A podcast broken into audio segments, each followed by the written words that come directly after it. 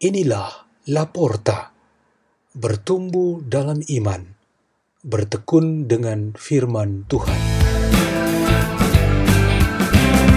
dibawakan oleh Penceruing dan Mary Lasar dari Gereja Santo Dari Tapelangu Paroki Harakewa Keuskupan Larantuka.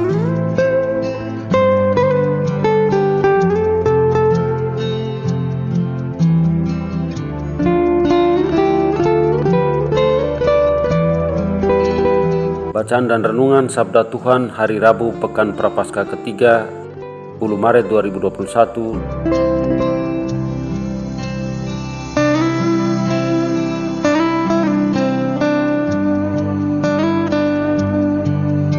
Pembacaan dari kitab Ulangan. Di padang gurun seberang sungai Yordan Musa berkata kepada bangsanya Hai orang Israel dengarlah ketetapan dan peraturan yang kuajarkan kepadamu untuk dilakukan supaya kamu hidup dan memasuki serta menduduki negeri yang diberikan kepadamu oleh Tuhan Allah nenek moyangmu. Ingatlah Aku telah mengajarkan ketetapan dan peraturan kepadamu, seperti yang diperintahkan kepadaku oleh Tuhan Allahku, supaya kamu melakukan yang demikian di dalam negeri yang akan kamu masuki untuk mendudukinya. Lakukanlah itu dengan setia, sebab itulah yang akan menjadi kebijaksanaan dan akal budimu di mata bangsa-bangsa begitu mendengar segala ketetapan ini, mereka akan berkata, "Memang bangsa yang besar ini adalah umat yang bijaksana dan berakal budi." Sebab bangsa besar manakah yang mempunyai Allah yang demikian dekat kepadanya, seperti Tuhan Allah kita, setiap kali kita memanggil kepadanya, dan bangsa besar manakah yang mempunyai ketetapan dan peraturan demikian adil seperti seluruh hukum yang kubentangkan kepadamu pada hari ini.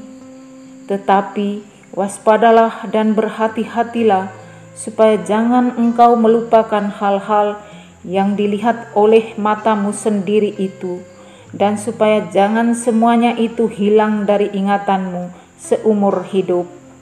Beritahukanlah semuanya itu kepada anak-anakmu dan kepada cucu-cucumu serta cicitmu. Demikianlah sabda Tuhan.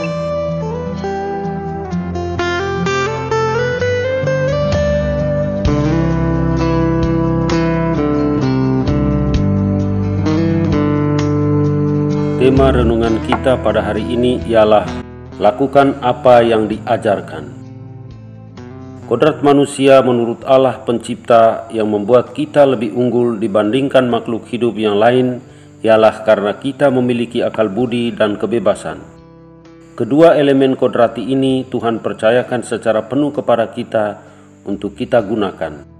Hasilnya selalu ada dua macam, yaitu manusia memilih untuk memenuhi kemauannya sendiri yang pasti mengakibatkan dosa dan penderitaan, atau memilih untuk mengikuti ajaran dan hukum Tuhan. Untuk pilihan yang kedua, akal budi dan kebebasan kita mengenal batasnya ketika mereka harus berkolaborasi dengan kehendak Tuhan. Manusia sepintar apa pun, ia akhirnya menyadari kalau kepandaiannya Tuhan melebihi dirinya. Demikian juga sebebasnya dia untuk berkata atau berbuat apa saja, akhirnya diakui juga bahwa Tuhan lebih berkuasa daripada dirinya. Sampai pada batas ini, sebenarnya iman yang berperan untuk menjelaskan kebesaran dan kemahakuasaan Allah untuk dapat diterima oleh akal budi dan kebebasan kita. Pada hari ini, kita belajar bagaimana dengan kepandaian dan kebebasan kita melakukan apa yang diajarkan oleh Tuhan. Tujuannya ialah supaya kemampuan kodrati kita dapat berkolaborasi dengan penyelenggaraan Tuhan. Bacaan pertama dari kitab Ulangan menguraikan tentang ajaran ketetapan dan peraturan. Musa meminta umat Allah untuk selalu menaati dan setia apa yang ditetapkan oleh Tuhan dan yang menjadi aturannya. Ketaatan dan kesetiaan ini tidak mengurangi akal budi dan kebebasan kita, tetapi mendapatkan nilai plus, yaitu kebijaksanaan ilahi. Fungsi akal budi untuk ini ialah mengingat, memahami, dan membahasakannya yang Tuhan ajarkan secara benar dan tepat. Fungsi kebebasan ialah untuk menyebarkan kebenaran supaya dapat menguasai dan mengarahkan kehidupan ini di dalam jalan Tuhan untuk sampai kepada Tuhan sendiri. Umat Tuhan yang setia dan taat memiliki suatu tugas yang penting selanjutnya dalam melakukan apa yang diajarkan Tuhan. Rahmat pembaptisan dan keanggotaannya di dalam gereja mendapatkan mereka tanggung jawab untuk mengajarkan itu kepada orang lain, entah saudara, entah teman, bahkan mereka yang tidak dikenalnya. Tanggung jawab dalam ketaatan dan kesetiaan untuk melakukan ketetapan dan peraturan dari Tuhan mungkin lebih bersifat personal dan terbatas pada lingkup terbatas.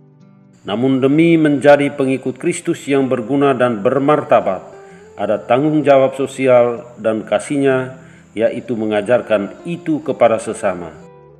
Bahasa kitab sucinya ialah sebuah tanggung jawab sebagai garam dan terang dunia Hidup setiap pengikut Kristus adalah sebuah kenyataan belajar dan mengajar. Marilah kita berdoa dalam nama Bapa dan Putra dan Roh Kudus. Amin. Ya Bapa yang Maha Bijaksana, penuhilah diri kami dengan kebijaksanaanmu. Salam Maria penuh rahmat Tuhan sertamu, terpujilah engkau di antara wanita, dan terpujilah buah tubuhmu Yesus, Santa Maria Bunda Allah, doakanlah kami yang berdosa ini sekarang dan waktu kami mati. Amin. Dalam nama Bapa dan Putra dan Roh Kudus. Amin. La porta, la porta.